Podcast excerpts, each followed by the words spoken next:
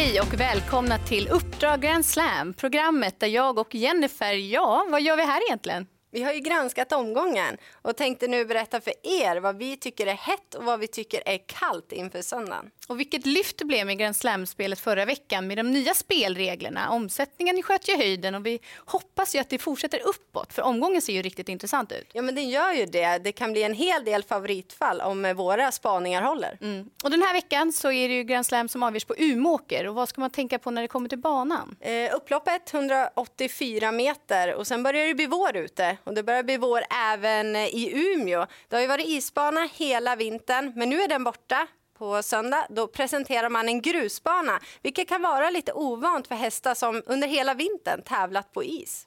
Mm. Nu kör vi igång. Här kommer veckans heta.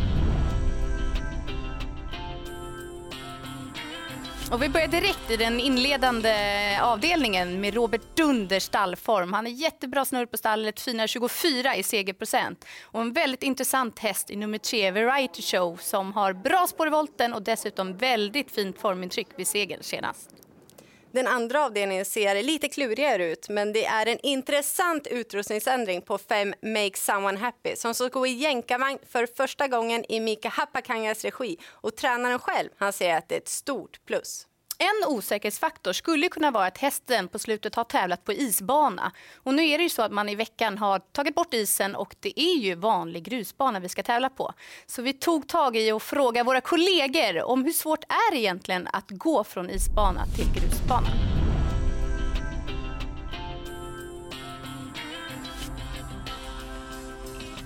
Problem att komma från en isbana till grusbana är de som har lite platsproblem. Så kan man inte köra barfota, då är det minus. Mycket nog beroende på individen, men Lanorna grejade det i lördags och eh, vann på V75, gick från is till grus.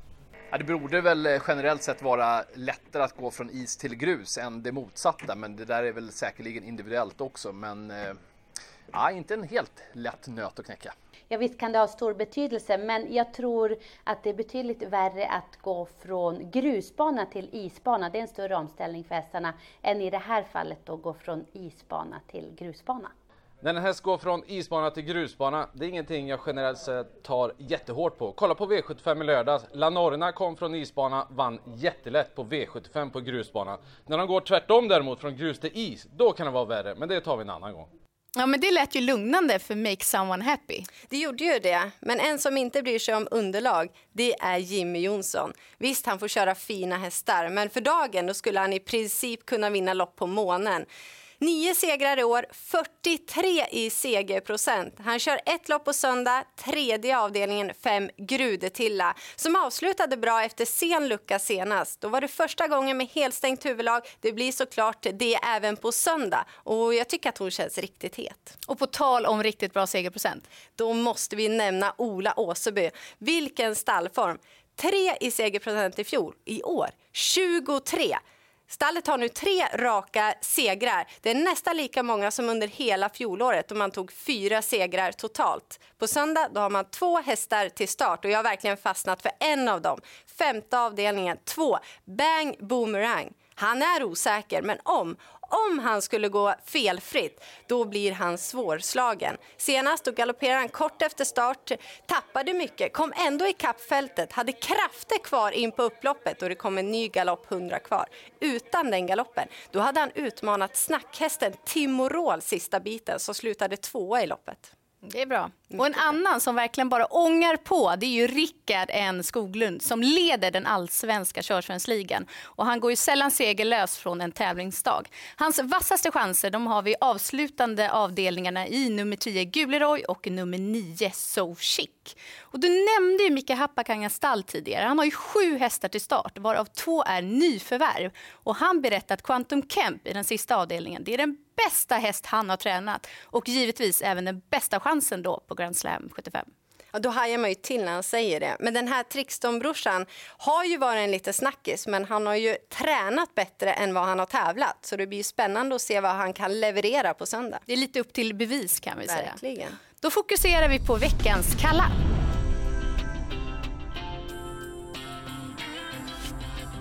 Red Hot Tap Dancer är ju normalt sett väldigt, väldigt travsäker. Han har till exempel aldrig galopperat i ett autolopp. Men nu är det voltlopp och då ser statistiken helt annorlunda ut. Det är galopp i två av de tre senaste voltloppen och dessutom sport två i voltning ungefär.